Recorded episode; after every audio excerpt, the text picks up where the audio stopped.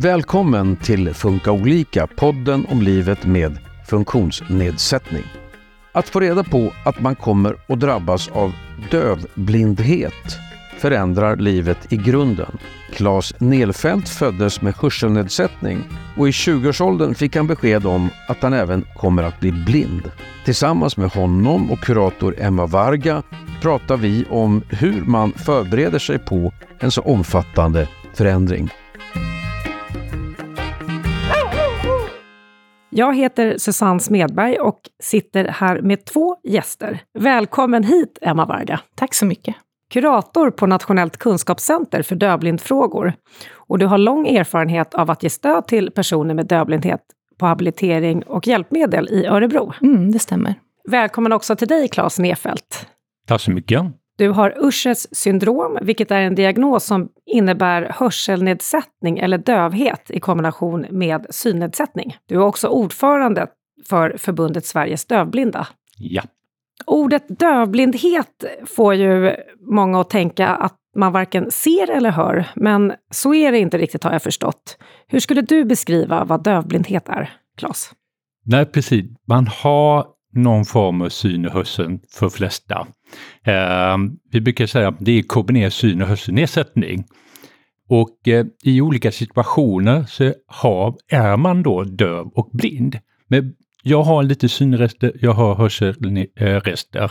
Eh, men i vissa situationer är jag döv och blind. Så därför använder jag begreppet dövblindhet. Och hur var det för dig när du var barn? Då var jag bara hörselskadad en hörselskadad pojke som eh, inte tänkte på att man skulle få se sämre utan eh, levde precis som i hörande värld. Och när fick du eh, reda på, eller när förstod du att du också skulle förlora synen? Ja, det var ju i samband med eh, jag körde ju bil och eh, körde motorcykel. Och framförallt när jag körde motorcykel så insåg jag ju att synen inte riktigt stämde. Och sen eh, också att jag inte alltid svara på en handuträckning när någon skulle hälsa då, för jag såg inte det helt enkelt. För att min syn försämras underifrån och det är lite lurigt. Eh, så att då hade jag en aning kring att det kunde vara någonting då. Så att, men jag fick bekräfta när jag träffade ögonläkare så, som bekräftade att du kommer bli blind. Så. Vad hände med dig då? Vad tänkte du om detta? Första tanke som jag fick då när jag fick besked var ju vad bra, då vet jag vad det är. Eh, för man har varit väldigt orolig. Vad, vad är det här? Vad är, varför blir det så här? Vad innebär det? Så det är många frågetecken. Men när beskedet kom, då, då blev det först, ja men, eh, jag slappnade av. Men sen så började jag googla vad det innebär att ha Usher syndrom. Eh, och läkarna sa att jag skulle bli blind då. Och då blir det plötsligt att man hanterar, alltså man har någonting, någonting att hantera. Vad innebär det här? Det blir ju en form av chock ändå. Um, och det blev så också att man fick svårt att se framåt.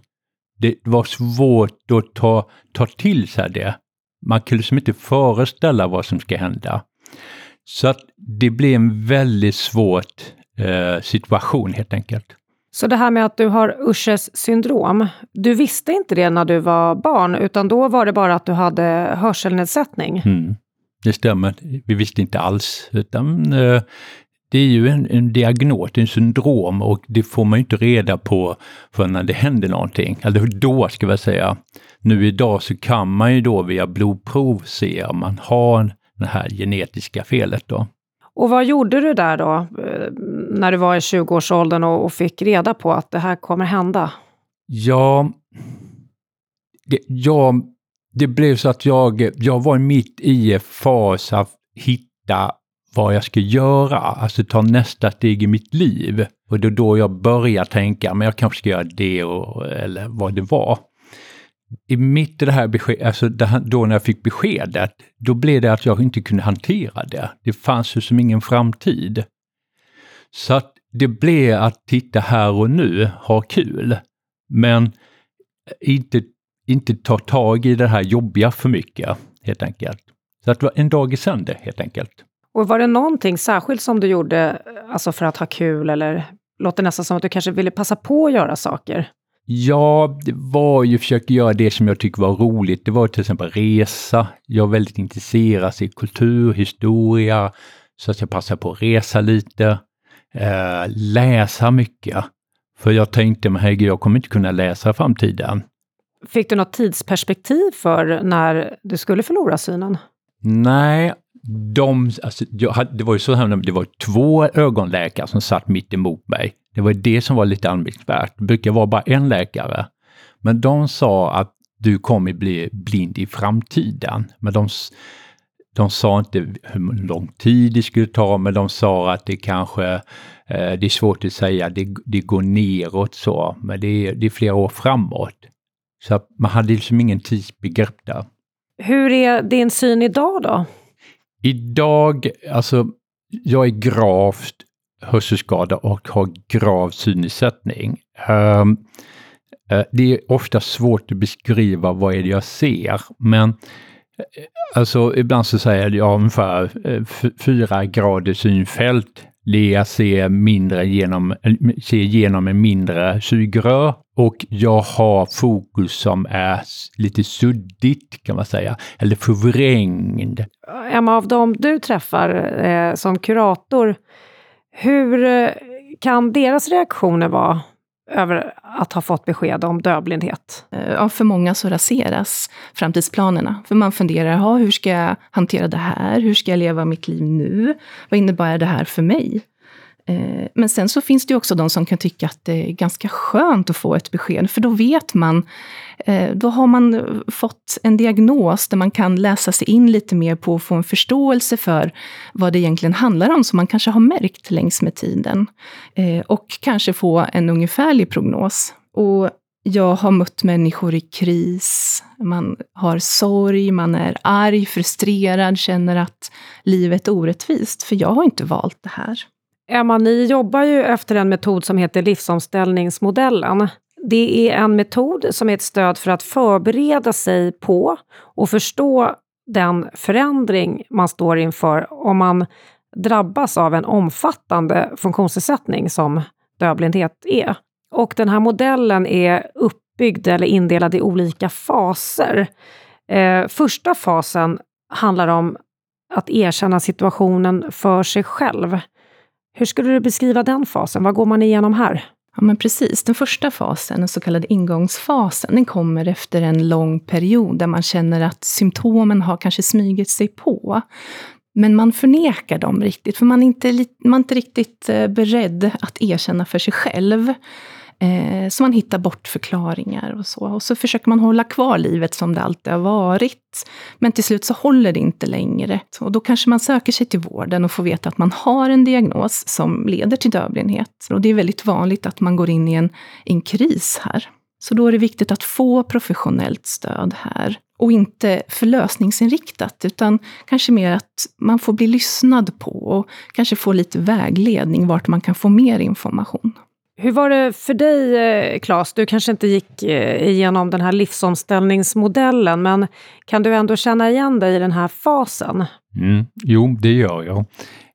Det är just det här med att erkänna den situationen man är i, men också att erkänna det som kan komma. Det är kanske det som är egentligen värst. För här och nu kan man hantera i viss mån. Alltså I början i karriären av dövblindhet, om man säger så, så, så kunde man på något sätt hantera här och nu, men inte där framme, alltså i framtiden. Eh, det var för smärtsamt. Så, att, eh, så det är en process som tar väldigt lång tid. Jag kan säga, eh, alltså jag erkänner att jag har det här dövblindhet, men jag accepterar inte att jag har dövblindhet. Det är som två olika sätt. Alltså. Kan du utveckla det? Ja, jag har erkänt att jag har dövblindhet, att jag har fått sämre syn och att jag måste hantera det här. Jag måste titta på hur jag ska lösa det ska funka för mig i framtiden. Jag kommer se ännu sämre och indirekt påverkar det hörsel också. Uh, för dess, alltså, jag använde mycket syn för att höra förut, men det kan inte idag, så det, då påverkar det hörsel också. Men jag vill inte ha det här. Och det är det jag menar att jag inte accepterar. Jag vill inte ha det här för det ställer till det så massa elände. Så. Du har lärt dig leva med det, men Ja. du är inte nöjd med Nej, din situation. Så kan man säga. Hur lång tid tog det för dig att eh, ändå erkänna den här situationen för dig själv? Ja, det är lite olika nivåer, men om man ska säga, alltså, som man erkänner helt och hållet, om man kan säga så. Det är ju egentligen först när jag kom in i, eh, i FSDB, alltså Förbundet Sveriges Dövblinda, där man fick träffa andra. Och eh, om vi går vidare till livsomställningsmodellen då, så nästa fas, alltså andra fasen, samla kraft till ett fortsatt liv. Vad innebär det? Eh, ja, men den andra fasen, den inleds ofta med en eh, sorgebearbetning. Och det här är en fas som kan ta flera år att ta sig igenom. Man är ju i en situation som man inte har valt själv. Man behöver hantera den på något sätt. Och då blir det ju också en, en sorgebearbetning. Och speciellt om man har en diagnos som blir sämre med tiden, så blir det en sorgebearbetning över tid. Det tar nästan inte slut, kan man säga. Hur kan sorgen se ut? Vad handlar det om för typ av sorg? det blir ju så att framtiden någonstans raseras. Man behöver tänka om så att det kan bli en, en sorg över det man har tänkt sig, visionen framöver i livet till exempel. Och vad behöver man i den här fasen för att hantera de där tankarna och, och rädslan? Precis, man behöver ju få någon slags struktur på det nya livet. Att man behöver få stöd i det, få information om eh, vad dövblindheten har för olika villkor och, och få stöd i att eh, börja identifiera vad det är för någonting man har förlorat. Eh, och vilka hinder och behov som har kommit utifrån att jag lever med en syn och hörselnedsättning. Eh, och man behöver få stöd att utforska vilka möjligheter som faktiskt finns. Och det kan vara ganska ensamt här. För det kan vara svårt att sätta ord på det och då är det också svårt att förklara för omgivningen hur det faktiskt är. Så man behöver ha speciellt eh, psykosocialt stöd, ja, bland annat. Eh, men även familjen, så att familjen är med också på tåget. Claes, eh, vad tänker du om den här eh, delen i livet? Då? Hur var det för dig? Alltså, jag, när jag lyssnar på Emma, och när hon förklarar med sorg, det, jag tycker det är lite intressant för att jag tänkte inte att jag hade en sorg. Utan det beror på vad man menar med sorg. Eh, jag var mer, mer förbannad och eh, till att börja med inte vill ta tag i det riktigt, eller liksom bearbeta det här riktigt. Så, eh, eh, men idag får man ju nog säga att man hade någon form av sorg över situationen. Eftersom det måste man ha för att man kan, om man inte vill ta tag i det och inte vill känna vid det och leva här och nu, ha kul. Det är en form av sorg faktiskt. Hur var det för din familj då? Där var det sorg. Um, det var väldigt tydligt. Um, framförallt för mina föräldrar. Um, uh, det var väldigt jobbigt, men de fanns där hela tiden. Men um, idag vet jag ju att de hade ju också behövt en form av stöd. Så det var också en väldigt svår process för dem. Och det är det fortfarande än idag. Vad har de fått för stöd då? Nej, jag tror inte de har fått något stöd alls. Nej, det är mest att jag har fått förklara var jag står, hur synen är idag eller hur det utvecklas. Jag förklara helt enkelt. Sen, sen, sen, sen har jag jobbat med den här frågan så många år nu, så det blir ju att jag på professionellt sätt förklarar vad innebörden av dövblindhet och så vidare. Så att, så. Men det är via mig då. Emma, du var ändå inne lite på att man involverar familjen eh, i det här skedet bland annat. Hur, hur gör man det då på ett Mm. bra sätt? Ja, men precis. I Dövblindteamet i Örebro, som jag har jobbat tidigare i, där har vi bjudit in viktiga personer i, i omgivningen. Och då kan det vara familj och vänner. Och det kan också vara personal, alltså ledsagare, eller assistenter eller kollegor. Där man får information om dövblindhet, dess konsekvenser, generellt men även individuellt. Och sen får de också prova på att ha glasögon som vi kallar för fingerad optik. De är alltså anpassade på ett ungefär utifrån hur personen ser. Och sen har man en hörselnedsättning genom hörselkåpor och öronproppar. Och då får man prova på lite aktiviteter som man har kommit överens med patienten då, som lever med dövblindhet. Och prova på hur, lite grann hur det kan vara. Och sen får de också möjlighet att reflektera tillsammans. Hur brukar reaktionerna vara då när man får prova de här glasögonen och hörselkåporna? Många gånger så blir det aha-upplevelser. Eh, jag är själv anhörig och har fått gå igenom det här själv. Och det var verkligen en aha-upplevelse. Att jaha, är det så här det är? För vissa saker går inte att beskriva med ord. Om vi går vidare då i livsomställningsmodellen så fas 3 kallas förankring i sig själv eller förankringsfasen. Vad händer här då? Ja, fas 3, det handlar om eh, att man kommer till ett läge där man har börjat hitta strategier som fungerar. Man har testat sig fram och vet vad som inte fungerar och vad som fungerar. Och det sker lite mer på rutin kan man säga. Eh, och i det här läget så eh, vågar man kanske utmana sig själv lite mer och börja testa nya strategier som kanske känns lite mer läskiga. Och man är, blir lite mer bekväm med att kräva mer från omgivningen också. Och här börjar man också ja, men, göra mer medvetna prioriteringar, för man vet vad som funkar och vad man orkar med. Eh, och livet börjar kännas kanske lite mer stabilt än vad det har gjort tidigare. Vad har du haft för strategier genom åren, Claes, för att hantera livet eh, med dövblindhet? Många olika strategier för att när man har väl hittat en strategi så funkar det en viss period. Sen går det att pipa. Och det har ju mycket att göra för att synen försämras hela tiden. Och det gör ju att strategi håller bara en kort stund.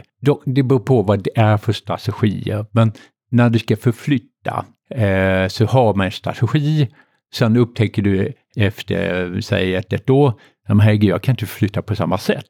Då måste man lära en ny strategi då. Så att strategi, det är väldigt viktigt att jobba med det, men man får liksom vara beredd på att man måste bearbeta om strategier väldigt ofta. Men nu när du vet att det är så här, har du någon strategi för att hantera att du hela tiden behöver hitta nya strategier, så att säga? Och det, det är det som är lite intressant, Här. jag vet vad jag behöver göra, ordna så att det ska funka lite längre fram, ha en långsiktighet i hela.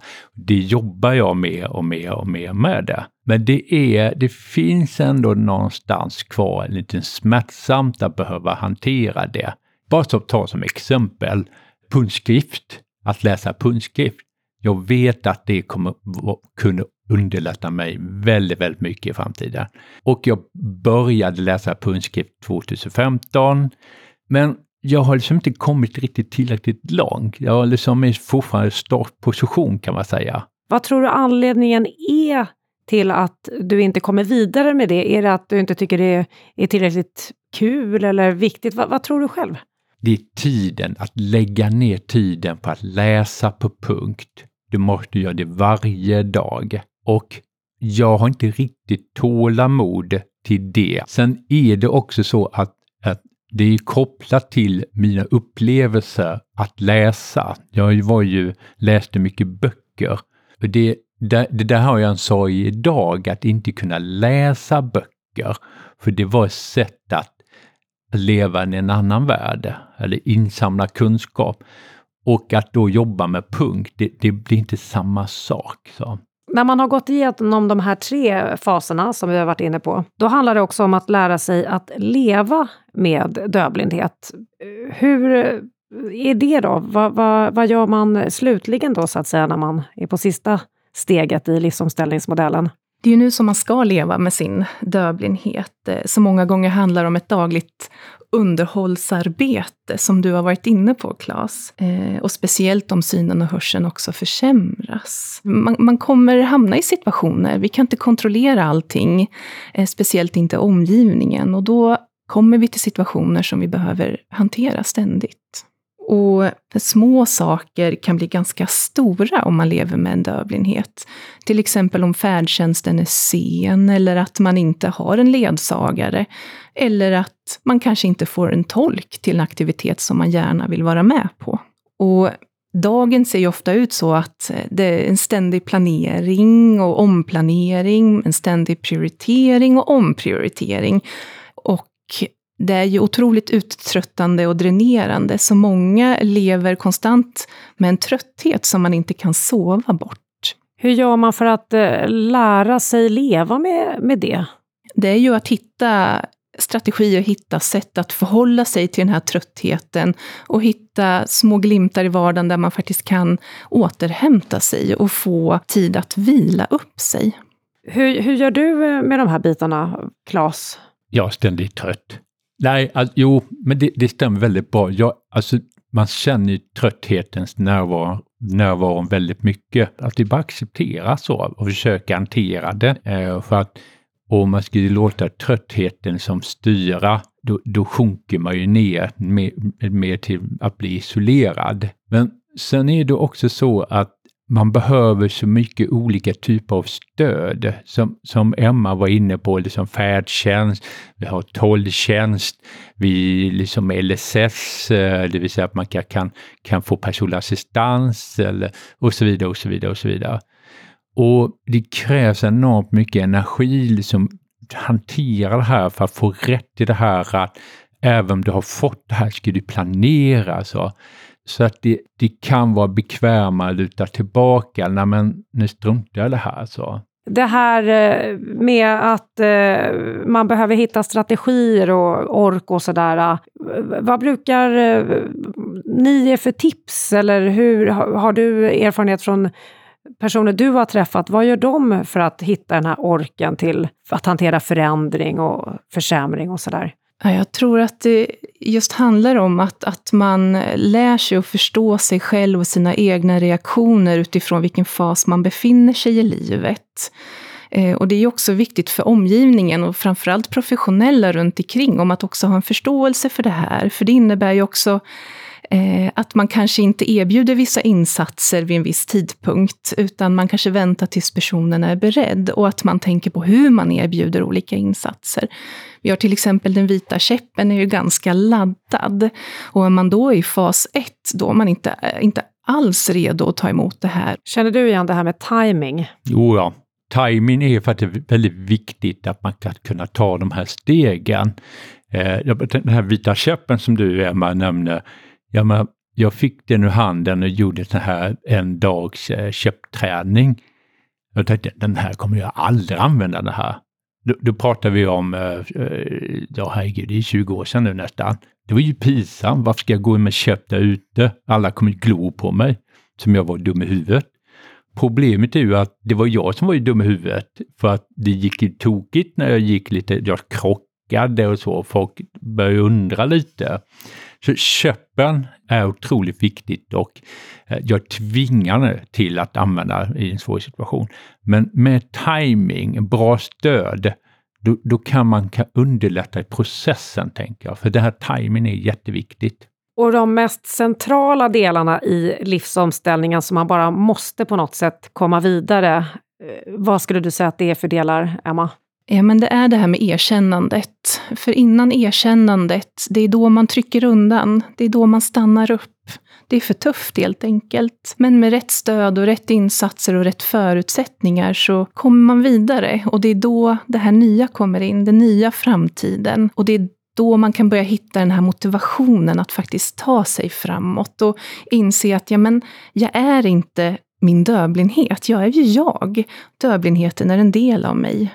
Och om man behöver den här typen av stöd, var kan man få det någonstans? Det finns ju dövblindteam eller motsvarande syn och hörselsamverkan eh, i hela Sverige. Och på Nationellt kunskapscenter för dövblindfrågor, där jag jobbar nu, där kan man hitta kontaktpersoner i varje eh, region som man kan ta kontakt om man behöver mer information och stöttning. Och sist då, Claes, mm vad skulle du säga är dina bästa tips till någon som är där du var för, ja, hur många år är det sedan nu? 20 år sedan? Ja, bästa tips är nog att försöka ha roligt och våga göra saker. Eh, att inte eh, vara försiktigt och prata med andra som har liknande situationer. Då, då hittar man på något sätt en väg framåt. Det vill säga att våga ha roligt och prata med andra som har liknande situation. Då hittar du väg ut. Eller väg in, kan man säga snarast. Det här med motivation eh, som Emma pratar om, vad ger dig motivation att hela tiden eh, fortsätta med det här förändringsarbetet? Det är att jag vill helt enkelt leva. Jag vill ha roligt och jag vill som, jag är ju nyfiken av mig. Och jag, jag blir motiverad av att få nya kunskaper, se på olika saker och så vidare. Det, det, det är det som motiverar mig. En, en viktig del när det gäller motivation, det är att, att träffa andra, tänker jag. Att få se att man, man är inte ensam, utan det fl finns fler som går igenom liknande utmaningar som jag gör. Och det kan vara otroligt motiverande att i gruppsammanhang få träffa varandra och se hur andra har hanterat situationer. Och då kan det kännas motiverande att prova att göra samma sak. Och där säger jag stort tack till dig, Claes Nefelt. Tackar och Emma Varga, kurator på Nationellt kunskapscenter för dövblindfrågor. Tack så mycket. Du har lyssnat på Funka olika, en podd från Habilitering och hälsa som är en del av Region Stockholm.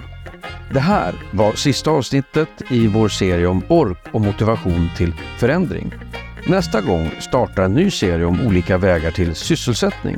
Och I första avsnittet får vi vägledning av en kurator om vilka olika sysselsättningar som finns. Missa inte det!